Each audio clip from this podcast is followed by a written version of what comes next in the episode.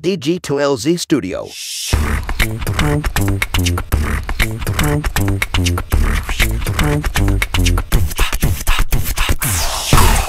Selamat pagi, siang, sore, atau kapan pun waktu yang teman-teman pakai untuk mendengarkan podcast ini. Kembali lagi bersama saya Panji di podcast Ngobrol Bisnis. Dan kali ini sudah bersama saya adalah Nur Firta Mona Rizka. Halo, apa kabar semuanya? Aku tahu Mbak Mona ya sebenarnya adalah dari eh, di grup ya beberapa bulan yang lalu kalau nggak salah di bulan Januari gitu ya. Nah, di bulan Januari ada temanku yang nge-share eh, temanku di jurusan dulu nge-share tentang eh, temanya adalah kalau nggak salah tahun baru pindah rumah ya kalau nggak salah. Aku berangkatnya dari situ tuh. Jadi kalau nggak salah Mbak Mona bikin thread di Twitter mengenai eh, kemacetan di Jakarta kayak gitu ya dan dari situ aku mulai lihat-lihat tweet yang lain dan aku jadi tahu bahwa Mbak Mona adalah data scientist ya, data scientist di Microsoft.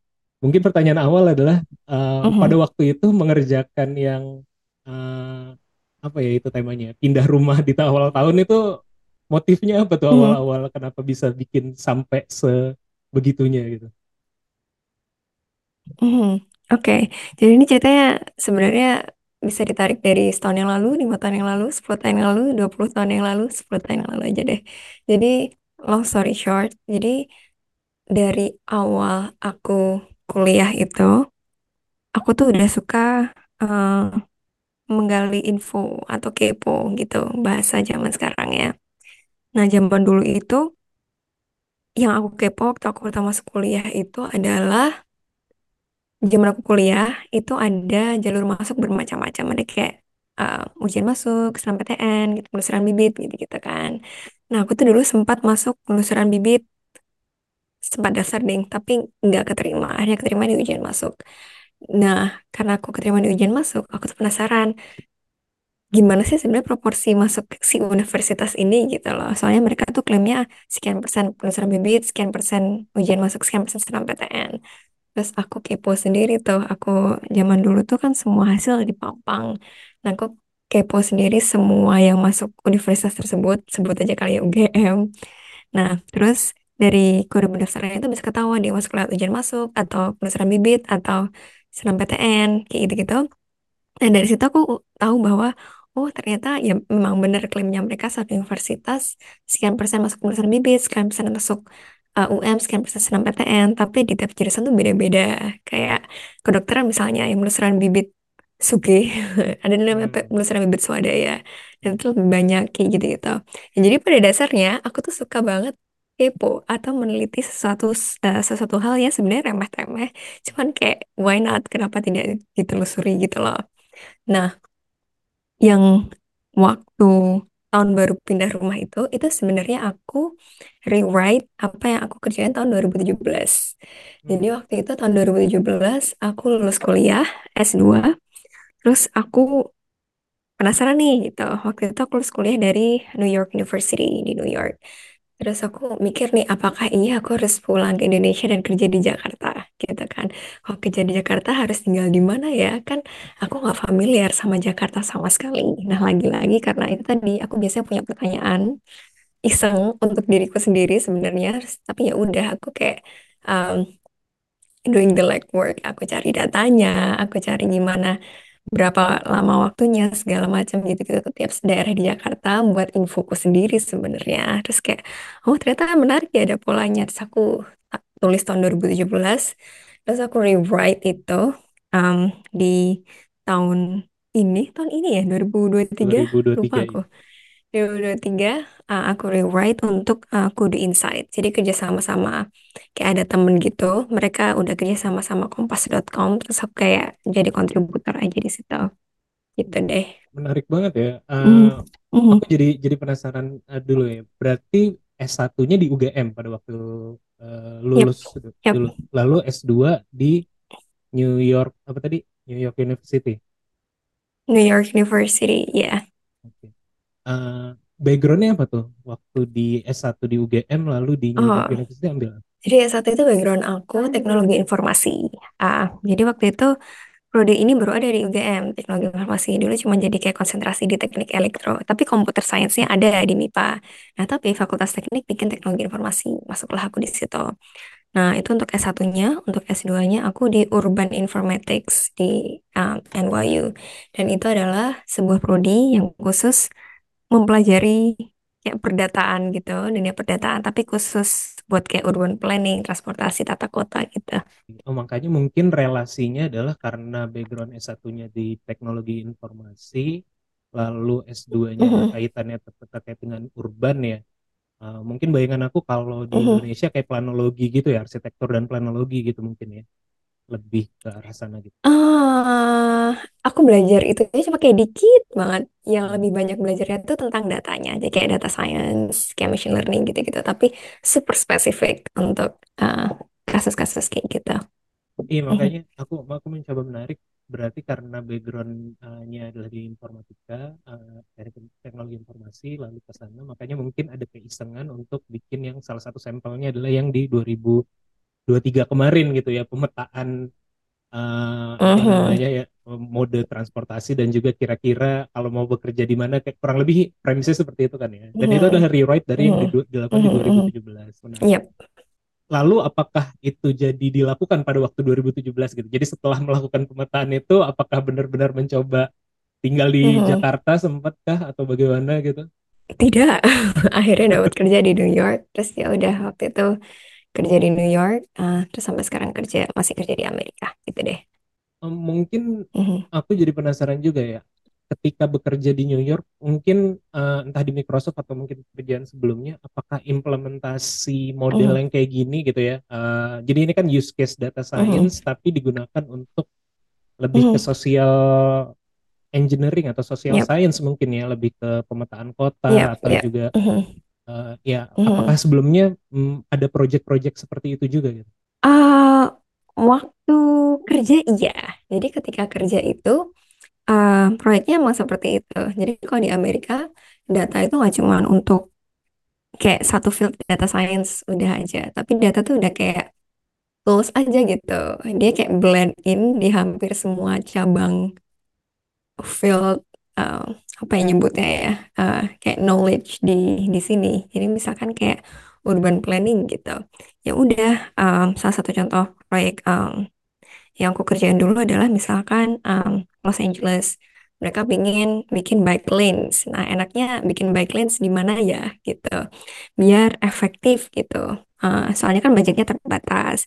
Ya udah kita cari lewat data GPS si biker-bikers ini biasanya mereka lewat mana, kita taruh aja dulu di situ. Itu misalnya kayak gitu satu kasus. Um, terus kasus lain ada kayak kota, dulu lupa kota apa. Uh, pokoknya ada kayak kota di daerah provinsi New York juga. Mereka pengen bi- uh, bikin bis listrik gitu. Mereka pengen meremaja, meremajakan bis listrik mereka. Terus tapi nggak tahu nih um, enaknya jalur apa dulu ya yang diremajakan gitu. Soalnya uh, budgetnya lagi-lagi terbatas. Terus ternyata bis listrik ada, mereka harus ngecas dulu tiap berapa kayak gitu lah. Ada constraint-nya. Nah itu kita analisis juga tuh uh, bis apa, rutenya ke mana aja, berapa kilo gitu. Terus nanti kita hitung-hitung kira-kira mana nih yang paling efektif buat bis listrik, contohnya kayak gitu. Jadi di sini itu memang banyak sekali hal yang sudah diterapkan, bukan diterapkan ya, uh, menggunakan data sebagai alat bantunya untuk uh, mencari solusi permasalahannya gitu. Aku juga pernah Mhm. nonton kalau nggak salah ya di dokumenter ya. dokumenter. Jadi kalau di Amerika itu salah satu eh, nggak tahu ini salah satu yang yang terjadi juga adalah eh, data digunakan untuk jadi kayak social engineering juga gitu. Jadi kalau nggak salah aku aku pernah nonton itu di New Jersey kalau nggak salah dia ada setiap malam Minggu atau setiap malam Sabtu gitu ya aku lupa. Eh, selalu ada kayak kayak food festival gitulah di satu jalan gitu ya. Food festival di satu jalan dan itu bikin uh, paginya pagi besok harinya selalu merepotkan tukang sampah gitu karena jadi crowded sampah Mhm. banget kayak gitu. Akhirnya dia dianalisa gitu dianalisa sama si uh, tim tim di, di di dokumenter tersebut lah gitu. Dianalisa Mhm. oh ternyata uh, salah satu poin menariknya adalah uh, output akhirnya ya aku, aku lupa prosesnya gitu. Cuman output akhirnya adalah ternyata kayaknya harus dianalisa uh, kita bikin gamifikasi ujungnya gamifikasi kompetisi antara perempuan dan laki-laki kayak gitu. Jadi kayak semacam nanti ada ada basket case gitu tapi buat ngebuang sampah gitu jadi dikompetisikan yang perempuan berapa yang laki-laki berapa yang setiap mereka berhasil storin uh, tempat sampah, buang sampah di basket khusus cowok Mhm. khusus cewek itu gitu dan akhirnya jadinya menurun tuh menurun uh, tingkat pembuangan sampah di di di di uh, di street tersebut gitu ketika di Hmm. Mhm. hindari sama yang yang berikutnya lagi di di case di film tersebut adalah kalau nggak salah di New York juga gitu ya. Atau di mana ya? Aku lupa. Atau di LA ya. Jadi ada uh, analisa datanya adalah banyak tingkat uh, kecelakaan terjadi di penyeberangan. Perempatan tertentu, ya. Ya, di di, iya, di iya. perempatan tertentu di di di, di perempatan mhm. tertentu. Nah akhirnya dibikin analisanya seperti apa gitu. Terus akhirnya jadinya modelnya adalah uh, gamifikasi juga gitu. Ada gamifikasi atau ada ada ada ada berdasarkan data ada preventifnya kayak gitu. Jadi jadi uh, dan itu udah terjadi rutin ya maksudnya itu udah jadi Mhm. hal yang wajar ya di Amerika gitu Wajar aja. Bahkan ini Hmm. nih, misalkan ini yang literally paling dekat aja. Jadi Hmm. dekat dekat rumahku tuh ada tol. Um, jadi kayak ada jalur khusus tol gitu. Kalau di Indonesia kan ada misalkan ada lima lane jalur tol. Nah itu tuh ada satu lane khusus. Kalau di sini ada satu lane khusus untuk bayar. Jadi pay to win. Jadi kalau mau lewat lane itu bisa bayar. Nah tapi harganya itu tuh bervariasi tergantung kemacetannya kayak gitu. Se se advance itu. kalau nggak salah aku kan backgroundnya eh, engineering tapi di fisika ya teknik fisika gitu cuman Mhm. kalau nggak salah ada Mhm. temanku juga yang di sipil mereka tuh juga melakukan itu sebenarnya di Indonesia cuman cuman entah kenapa kayaknya jadi kurang works juga ya. Oh gitu, kalau nggak real uh, time gitu kali iya ya. ya kayak Teknologinya belum ada kali. mungkin ya mungkin di tol atau Ya. apa kayak gitu Uh, jadi sebenarnya aku pengen pengen nanya berikutnya adalah sebenarnya kalau data scientist itu uh, definisinya Mhm. apa sih sebenarnya? Soalnya kalau yang Mhm. aku lihat kan dia nganalisa data atau yang kayak kamu lakukan adalah nganalisa data, Mhm. Mhm. tapi juga ya ada bermain statistik juga. Tapi di beberapa hal Mhm. karena aku di bisnis, aku lebih Mhm. banyak melihat data scientist ini use penggunaannya adalah untuk kayak marketing gitu. Kalau kalau itu berdasarkan ini aku ya. Kalau kalau Mhm. realnya apa sih sebenarnya kalau data Mhm. scientist itu? Aduh, ini pertanyaan sebenarnya pertanyaan yang um, tiap tahun jawabannya beda. Uh, jadi kenapa kenapa aku bilang gitu? Karena pertama kali aku terjun di bidang ini, pertama kali aku bahkan tertarik di bidang ini, data scientist itu belum ada. Hmm, ya waktu aku bikin analisis tentang siapa yang masuk UGM gitu-gitu, itu kan cuma kayak quote quote statistik aja gitu, statistik ditambah um, kepo dikit lah pakai Excel whatever gitu. Nah, zaman dulu tuh belum ada namanya data scientist. Uh, machine learning udah ada, tapi kayak quote quote data scientist tuh belum ada sampai akhirnya tahun 2014 itu mulai uh, mulai booming gitu. Terus aku lulus kuliah, aku kuliah tuh udah mulai ada nih data science gitu. Nah, aku lulus kuliah uh, tahun 2017, lulus S2, perusahaan-perusahaan di US tuh baru yang kayak ngeh bahwa oh ada loh pekerjaan namanya data scientist dan dia, dia bisa kayak uh, menambah revenue ke bisnis karena kalau diterapkan bisa whatever lah uh, menambah penghasilan apa pun itu. Nah, tapi uh, zaman itu karena masih booming banget, definisinya tuh masih luas banget gitu. Jadi data scientist tuh ya data analyst, ya data engineering, ya machine learning scientist, segala macam segala macam kayak palu gada dari yang ngumpulin data, dari yang ngebersihin data, dari yang bikin model, um, sampai yang um, bikin hasilnya.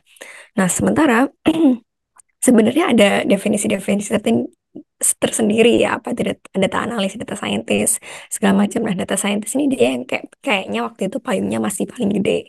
Kalau data analis itu jadi gampangnya dia mencari tahu uh, sesuatu berdasarkan hal-hal di masa lalu. Misalkan nih, misalkan aja um, di Jakarta rata-rata dalam 10 hari, 7 hari hujan nih gitu.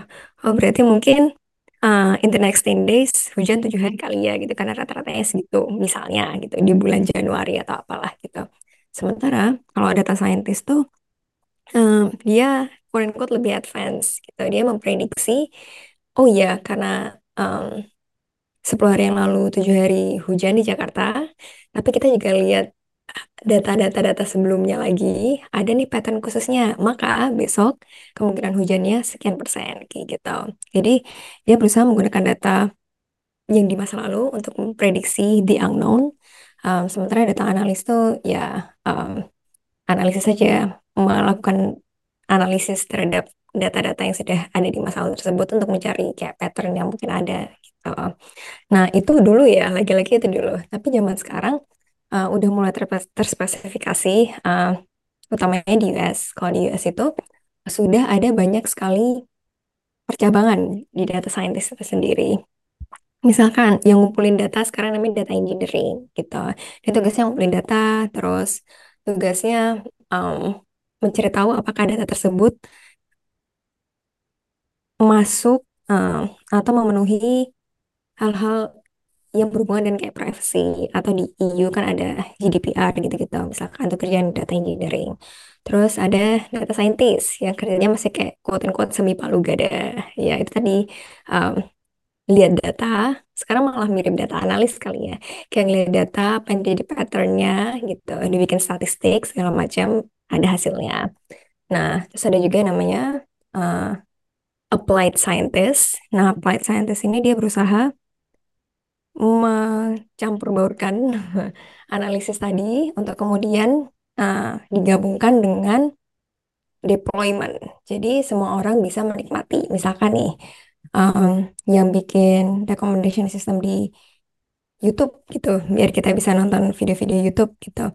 Nah itu pasti ada data scientistnya, uh, juga ada biasanya applied scientistnya atau software engineer-nya yang berusaha uh, memasukkan analisisnya itu supaya bisa dinikmati banyak orang gitu. Terus ada juga machine learning scientist gitu. Tugasnya ya udah uh, mengapply banyak model machine learning uh, kira-kira mana yang cocok untuk kemudian itu tadi misalkan dibuat uh, apalah prediksi tertentu apalah terserah. Jadi sebenarnya ada banyak cabang, tapi pada intinya uh, to sum up uh, data scientist itu mencoba um, mencari tahu unknown dari data-data terdahulu dengan senjatanya tuh berupa statistik dan um, coding gitu biasanya. Jadi coding statistik untuk mencari tahu the unknown kurang lebih kayak gitu sih. I see, I see. Kalau aku cuman mungkin ada nggak tahu ada use case seperti ini juga ya, eh, seperti ini enggak ya. Kalau aku memandangnya ada tambahan poin, misalnya ada tambahan poin terkait dengan image atau marketingnya juga. Iya nggak sih sebenarnya? Karena kalau aku melihat itu, misalnya iya kalau aku melihat soalnya yeah. misalnya ada beberapa poin misalnya yang terjadi di Indonesia atau di bisnisku sendiri aku utilizing anak-anak uh, yang ngerjain data itu as a business mindset itu ngelihatnya oh ini menarik nih untuk disajikan dan juga dikomunikasikan ke publik gitu. Jadi tadinya data yang sebenarnya kita olah untuk mengambilkan kebijakan bisnis tapi uh-huh. ketika itu disajikan ke publik itu jadi data ya jadi menarik gitu jadi menarik sehingga bikin engagement uh, klien atau user jadi lebih tinggi terhadap uh, solusi yang kita kasih kalau kalau seperti itu apakah masuk lingkup lingkup data scientist juga tuh atau atau itu terjadi juga di Amerika nggak? Iya itu terjadi juga jadi data scientist itu uh, salah satu skill yang harus dipunyai itu adalah uh, present. atau membuat visual atau presentasi yang jelas untuk meyakinkan the other hand bahwa oh dari data kita bisa mendapatkan ini dan hasil ini bisa I don't know misalkan bisa memakmurkan perusahaan Anda atau apalah itu. Jadi memang ada um, business portionnya di situ. Tapi lagi-lagi kalau aku yang lihat itu mungkin itu marak di Indonesia karena yang aku lihat di Indonesia mungkin belum banyak perusahaan yang bikin produk gitu atau perusahaan yang bikin um, bikin produk sih bikin produk software karena di Amerika sendiri um, sudah banyak perusahaan-perusahaan uh, kita nyebutnya big tech startup juga banyak yang mengaplikasikan data science, statistik, machine learning itu ke dalam produk gitu. Jadi uh, jatuhnya ada kayak dua macam gitu. Ada kayak data scientist yang dia ngerjain produk gitu, yang benar-benar ke produk kayak misalkan itu tadi siapa sih yang bikin recommendation sistemnya YouTube, Instagram itu data scientist. Ada data scientist bikin itu, ada machine learning engineer yang bikin itu. tapi kan Indonesia nggak ada nih produk kayak gitu. Paling apa sih video? Ya mungkin video adalah data scientist yang bikin accommodation sistemnya. Tapi kan ya cuma satu dua perusahaan kan. Nah di tuh banyak sekali perusahaan-perusahaan produk teknologi. Uh, makanya di sini ada dua dua quote unquote dua cabang ya. Ada data scientist yang mengerjakan produk. Jadi fokus untuk bagaimana caranya kita bisa mengimprove produk dengan machine learning. Ada juga yang tugasnya ke bisnis gitu. Seperti mungkin tadi uh, Mas Panji menemukan di perusahaannya oh dia bantuin marketing atau dia bantuin uh, bantuin bisnis membuat decision kayak gitu. Itu ada juga gitu. Kalau yang dilakukan di Microsoft ya yang dirimu kerjakan di uh-huh. Microsoft itu sebagai data scientist yang mana nih? Kalau tadi ada dua opsi atau ada mm. dua track seperti tadi? Mm. Semuanya, semuanya dikerjain. Uh, itulah kenapa, itulah kenapa ada banyak data scientist di hire di di sini karena semua mau dikerjain. Karena yang tadi aku bilang data tuh udah kayak tools aja, semua lini itu pasti dipakai gitu. Nah aku dan aku sendiri pernah di dua-duanya. Uh, dulu waktu aku pertama kali masuk Microsoft, aku di sisi produknya. Jadi Microsoft punya Microsoft Defender namanya. Jadi dia Microsoft Defender ini dia berusaha mendeteksi gitu. Kalau ada virus, kalau ada uh, orang yang berusaha sniffing password kita segala macam. Nah, itu kalau misalkan kita bikin pakai manual aja uh, atau heuristik biasa aja, itu tuh kurang kurang mantep gitu karena attacker sekarang pintar gitu. Mereka bisa melakukan hal-hal yang aneh-aneh lah gitu. Misalkan um, ganti username uh, email jadi aneh-aneh gitu-gitu lah. Ada banyak dilakukan attacker zaman sekarang karena mereka pintar. Nah, salah satu cara untuk mengantisipasi hal itu adalah machine learning gitu. Nah, dulu aku kerja uh, untuk produk itu, untuk produk Microsoft Defender, gimana caranya kita bisa implementasi machine learning supaya um, kita bisa mendeteksi attacker-attacker ini dengan lebih cepat gitu, dengan lebih akurat. Um, itu salah satu contohnya ketika aku jadi um, data scientist di produk gitu. Aku kerja untuk produk dan aku nggak peduli revenue-nya berapa, I don't care gitu. I don't care uh, bisnisnya bagus apa jelek, I don't care, uh, I don't care at all. Um, yang penting aku bisa bikin produk sebaik mungkin kayak gitu. Yang penting produk aku ini akurat. Yang penting produk aku ini bermanfaat untuk orang banyak. I don't care about the business whatever gitu. Nah, uh, sekarang aku di sisi lain, aku di sisi bisnisnya gitu. Jadi apa yang aku lakukan adalah mencoba membuat uh, model machine learning untuk itu tadi marketing misalnya. Misalkan ketika oh ada customer dia sudah menggunakan produk-produk kita Microsoft Word, Excel. Next kita enaknya um, promote apa ya ke customer ini gitu atau oh customer ini dia sering pakai Excel, sering pakai um, I don't know, sering pakai apalah um, Word, sering pakai Teams gitu. Nah, kira-kira dia cocok nggak ya kalau misalkan ada produk baru Microsoft, misal di Microsoft Designer nih, kita kenalin ke dia kayak gitu-gitu. Jadi, itu salah satu um, hal yang aku kerjain juga gitu. Jadi, it really depends. Kalau di Amerika, kamu bisa jadi data scientist produk, atau kamu bisa jadi data scientist yang ngerjain, I don't know, other things, marketing, whatever gitu. I see, I see. Uh, balik sedikit ke yang uh, ketika ngerjain Microsoft Defender ya, berarti proses atau yang dilakukan adalah pertama menganalisa si ini kan kaitannya sama cyber security ya berarti ya. Yep. Melihat yep. data breach itu atau misalnya hacker atau apa gitu ya masuk dengan cara apa lalu dibikin pemetaannya dan dibikin model atau machine learning untuk ngedefend seperti itu gitu ya. Uh, uh, uh, uh. I see, I see. Gitu deh. Porsinya sampai ke mana tuh? Apakah tadi kan uh, kalau dirimu cerita tadi ada yang analis, ada yang uh, data scientist sama ada yang apply science. Uh -huh. Pada uh -huh. waktu itu uh mengerjakannya di porsi yang mana tuh berarti? Waktu itu aku applied scientist. Uh, sekali lagi, kan di sini ada banyak cabangnya di Amerika. Ya kan ada data analyst, data scientist, whatever, applied analyst. Nah, applied uh, applied scientist, sorry, applied scientist ini dia uh, data science iya juga. Jadi ngambil data iya, berusaha menganalisis data iya, tapi juga uh, membuat gimana caranya apa yang analis apa yang kita analisis ini bisa masuk ke sistemnya si Microsoft itu. Uh, jadi otomatis saja dikerjakan uh, berulang-ulang gitu. Nah, uh, kenapa itu penting gitu? Karena uh, kan nggak lucu juga kan kalau kita manual bikin analisisnya setiap kali setiap bulan segala macam. Nah kita harus bikin itu secara otomatis. Nah itu yang apa aku kerjain. Itu namanya applied scientist gitu. Berarti implementasi sampai ke teknis Mhm. codingnya juga Yap, untuk yap. oh I see. Sampai Mhm, sejauh itu ya berarti maksudnya mhm. uh, luas juga ya Iya. berarti ya sebenarnya Karena iya, pekerjaan karena range data scientist tuh luas banget. Apalagi di Indonesia itu masih sangat sangat sangat luas gitu. Kalau di Amerika, apalagi di perusahaan big tech kayak kantorku itu, itu sudah mulai dispesifikasi. Tapi di Amerika, eh sorry di Indonesia mungkin masih sangat luas gitu. Ya, ya.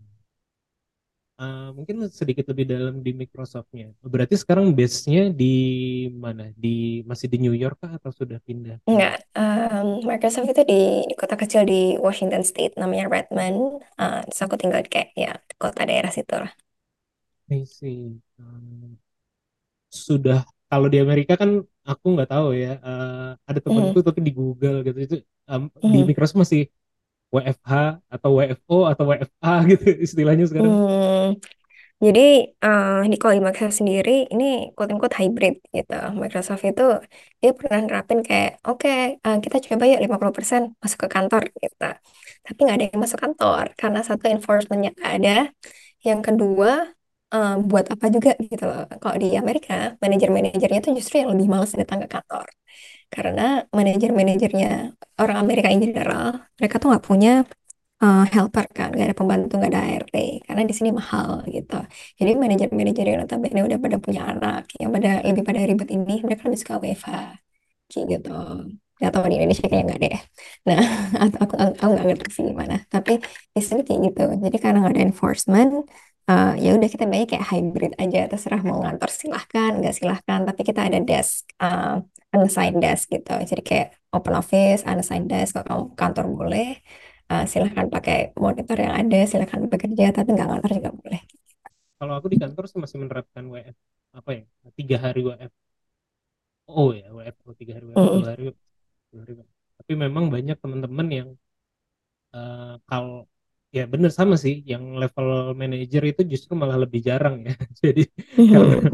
karena mungkin ngerasa lebih efektif juga untuk uh, bisa WFH kayak gitu. Uh, Mhm. berarti sebenarnya tidak ada kebutuhan secara spesifik kalau sekarang bekerja di WF uh, as- di, di Microsoft untuk uh, tetap tinggal di Amerika ya.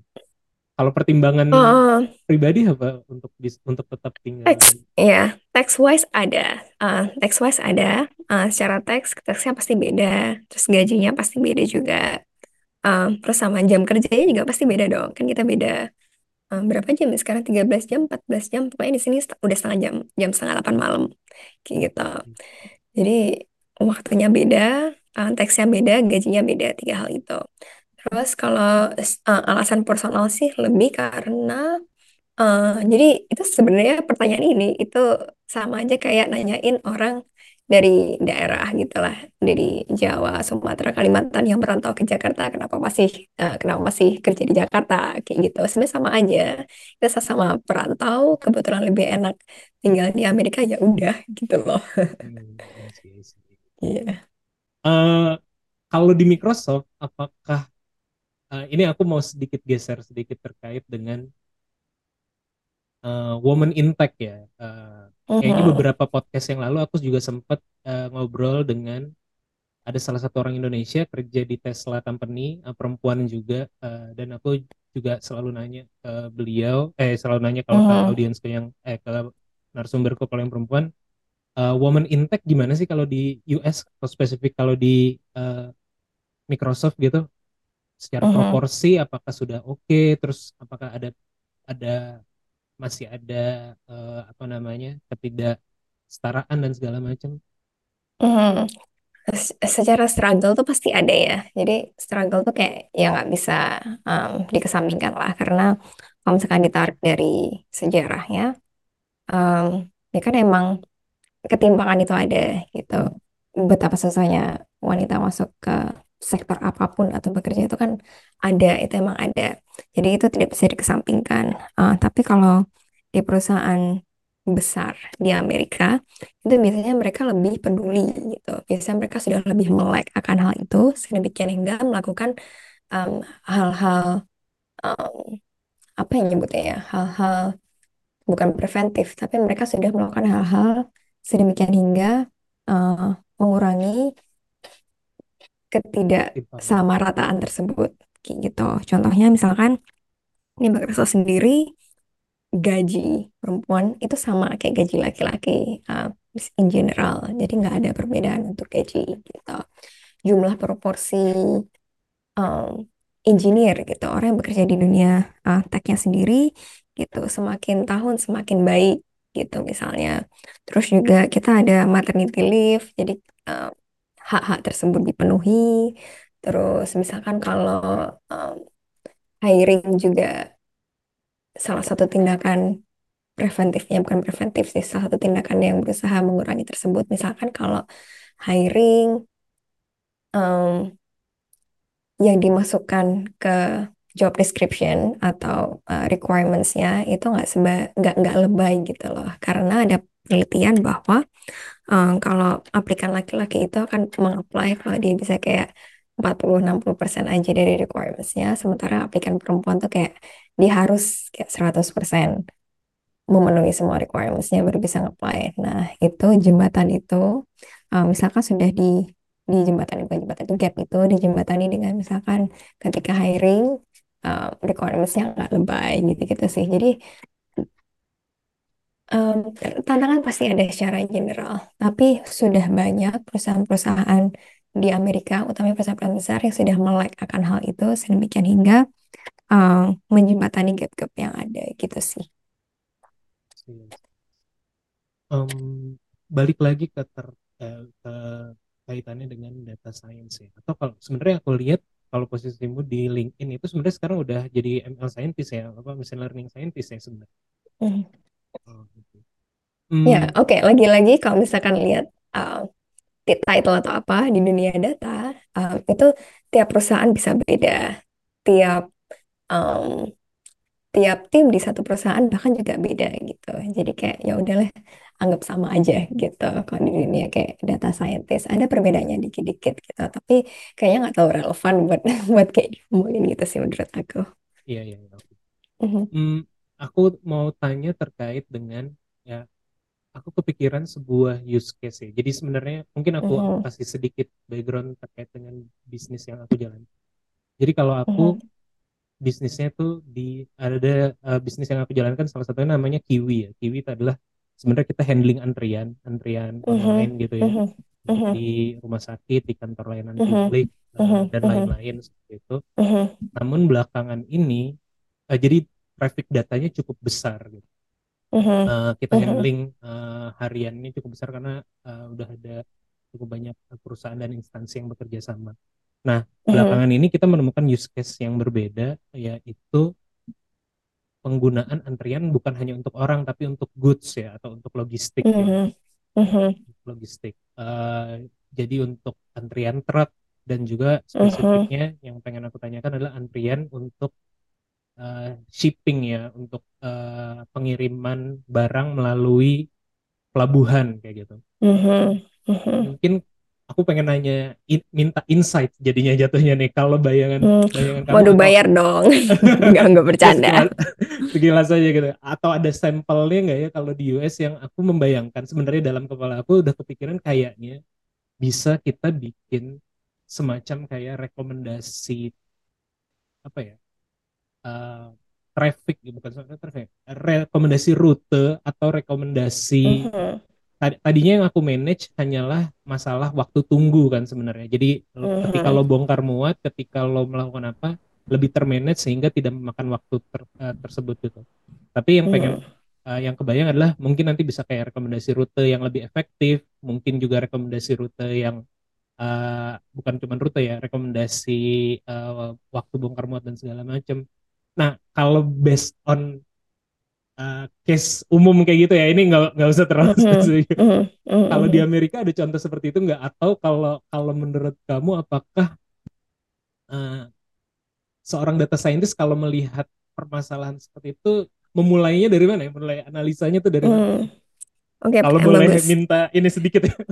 Oke, okay, jadi aku nggak aku nggak akan kasih solusinya, tapi aku bisa kasih kayak gambaran gimana um, kita bekerja dalam sebuah tim kalau misalkan ada kayak problem kayak gini. Jadi data scientist tuh nggak kerja sendirian. Data scientist dia kerja bareng bos, bareng klien, terus bareng PM. Um, di perusahaan teknologi Amerika pasti ada kayak project manajernya. Terus kerja juga sama uh, yang lain kayak machine learning engineer, software engineer segala macam. Jadi kayak stakeholdernya banyak. Nah, yang dilakukan ketika ada si data scientist ini itu biasanya uh, bukan dari data scientist sendiri. Ya kadang iya sih kalau data scientistnya sudah misalkan kayak udah paham benar tentang um, bisnis tersebut gitu atau dia paham benar tentang tim itu apa um, apa yang harus dilakukan bla bla bla gitu tapi um, idealnya semua project data science atau project machine learning itu bermula dari problem gitu jadi problemnya tuh harus bisa diidentifikasi dulu. Dan tadi kayak Mas Panji udah udah bener nih karena Mas Panji kan bos nih ya. Uh, Mas Panji lebih tahu bisnisnya kayak apa gitu. Jadi uh, justru yang seharusnya bisa mikirin itu bisa ngasih ide itu adalah orang-orang yang sangat mengerti di bidangnya kayak Mas Panji gitu. Uh, Mas Panji bisa mikir ah rekomendasi bisa kali ya gitu. Bisa sebenarnya bisa gitu pasti bisa. Atau uh, misal uh, oh, mengoptimalkan waktu tunggu bisa gitu. Itu juga bisa sebenarnya. Jadi lagi-lagi berangkat dari uh, problemnya apa dulu yang kira-kira Mas Panji kayak paling ingin pecahin dulu. Terus kemudian nanti brainstorm sama data science-nya gitu. Karena sekali lagi data science itu hanya tools kayak kalkulator aja gitu.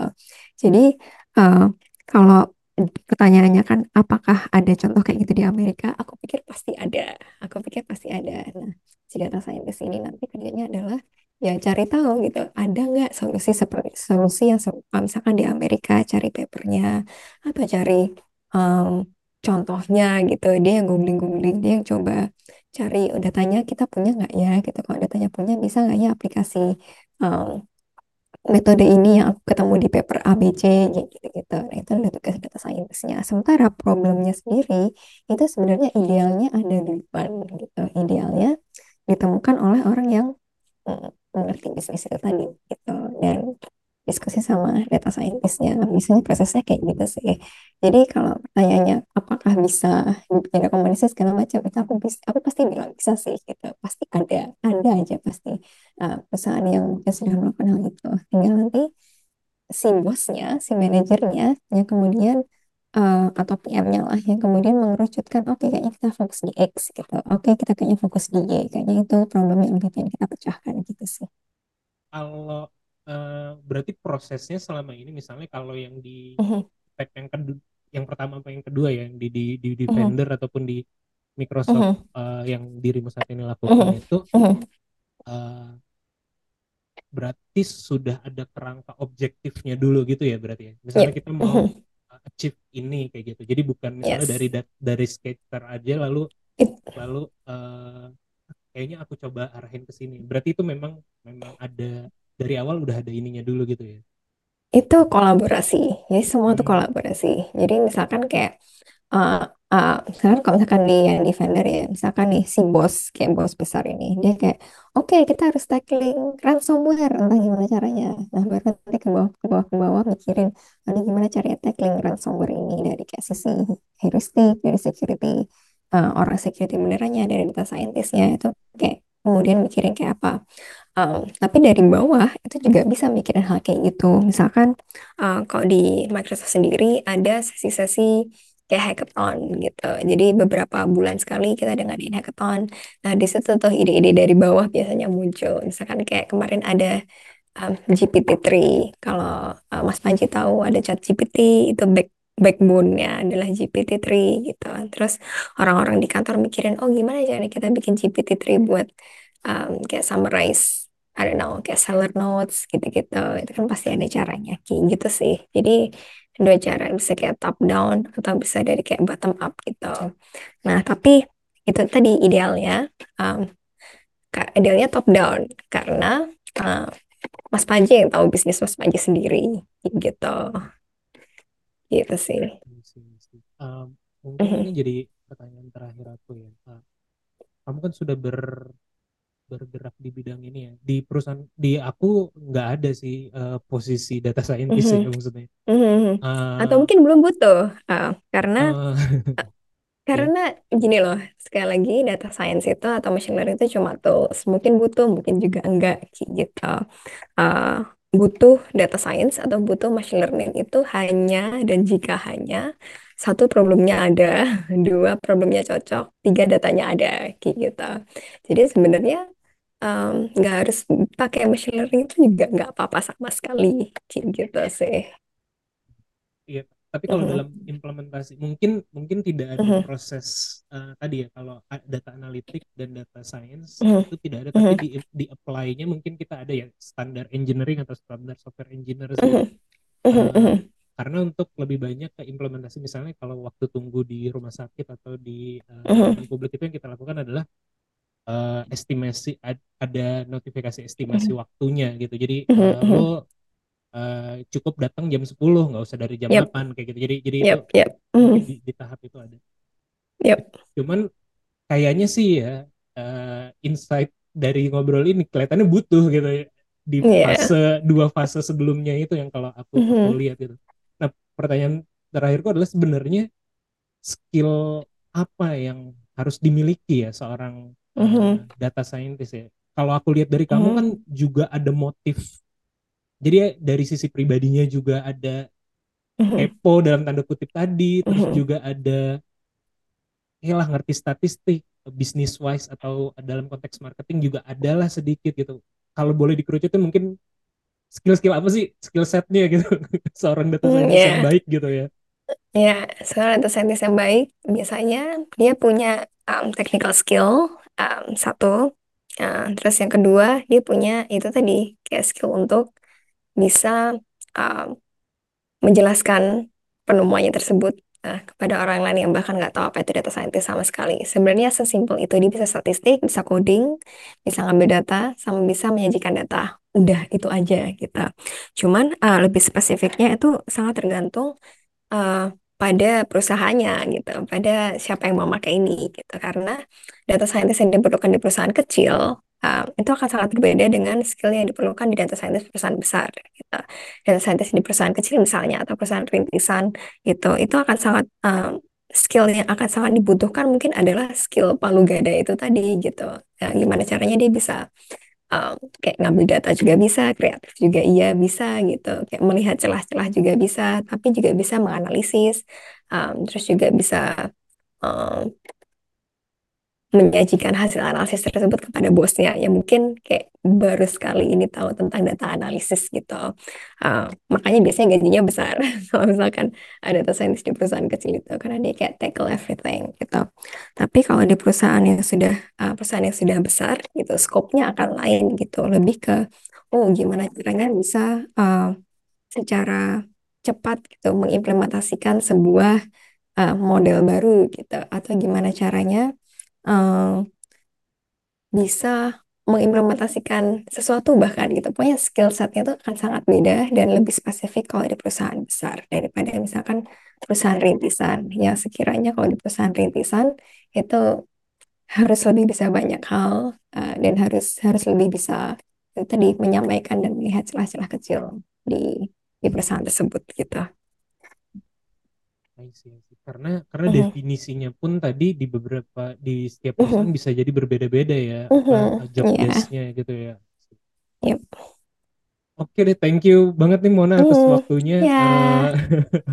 Terakhir mungkin ada yang ingin kamu sampaikan tapi belum sempat aku mention gitu terkait dengan data science atau pesan uh, by demographic sebenarnya pendengar podcast ini lebih banyak di usia 18 sampai 24 tapi ada juga yang Oh, kedua uh, pendengar kedua terbesar ceruknya adalah 2 sampai 34 lah. Jadi kalau oke. pendengar terbanyak boleh mungkin ada sepatah dua patah kata pesan atau apa. Apa ya? Ini misalnya aku ngomongin ke semua orang sih. Um, data science atau machine learning. uh, di kemudian hari itu hanyalah tools gitu. Um, yang semua orang mungkin bisa pakai, semua orang bisa aplikasikan, uh, dan semua orang uh, bisa menggunakan. Jadi kalau misalkan yang mau memulai gitu, mulai sekarang aja karena ini saat yang tepat karena semua orang nanti nggak bisa. Dan kalau bahkan nggak bisa ngoding pun atau nggak bisa statistik pun, ini adalah saat yang tepat gitu. Karena kalau misalkan punya domain knowledge, ya kayak misalkan kayak bisnis, ya kayak tadi uh, shipping whatever itu, itu akan lebih berguna karena jadi tahu, oh ini bisa diaplikasikan di ABC, uh, kayak gitu akan lebih tepat sasaran. Jadi saran aku uh, untuk yang ingin belajar dan penasaran jadi data scientist belajar dari sekarang karena um, in the future um, bakal jadi tools aja semua orang bisa gitu. Oke, nicely put. Mhm. Thank you uh, Mona atas Mhm. waktunya. Iya. Uh, ini sekarang berarti masih betah di US dan tetap akan lanjut di Microsoft dulu apa ada rencana back for good ke Indonesia gitu? Uh, rencana back for back for good tuh ada, tapi kapannya saya kurang tahu, aku kurang tahu.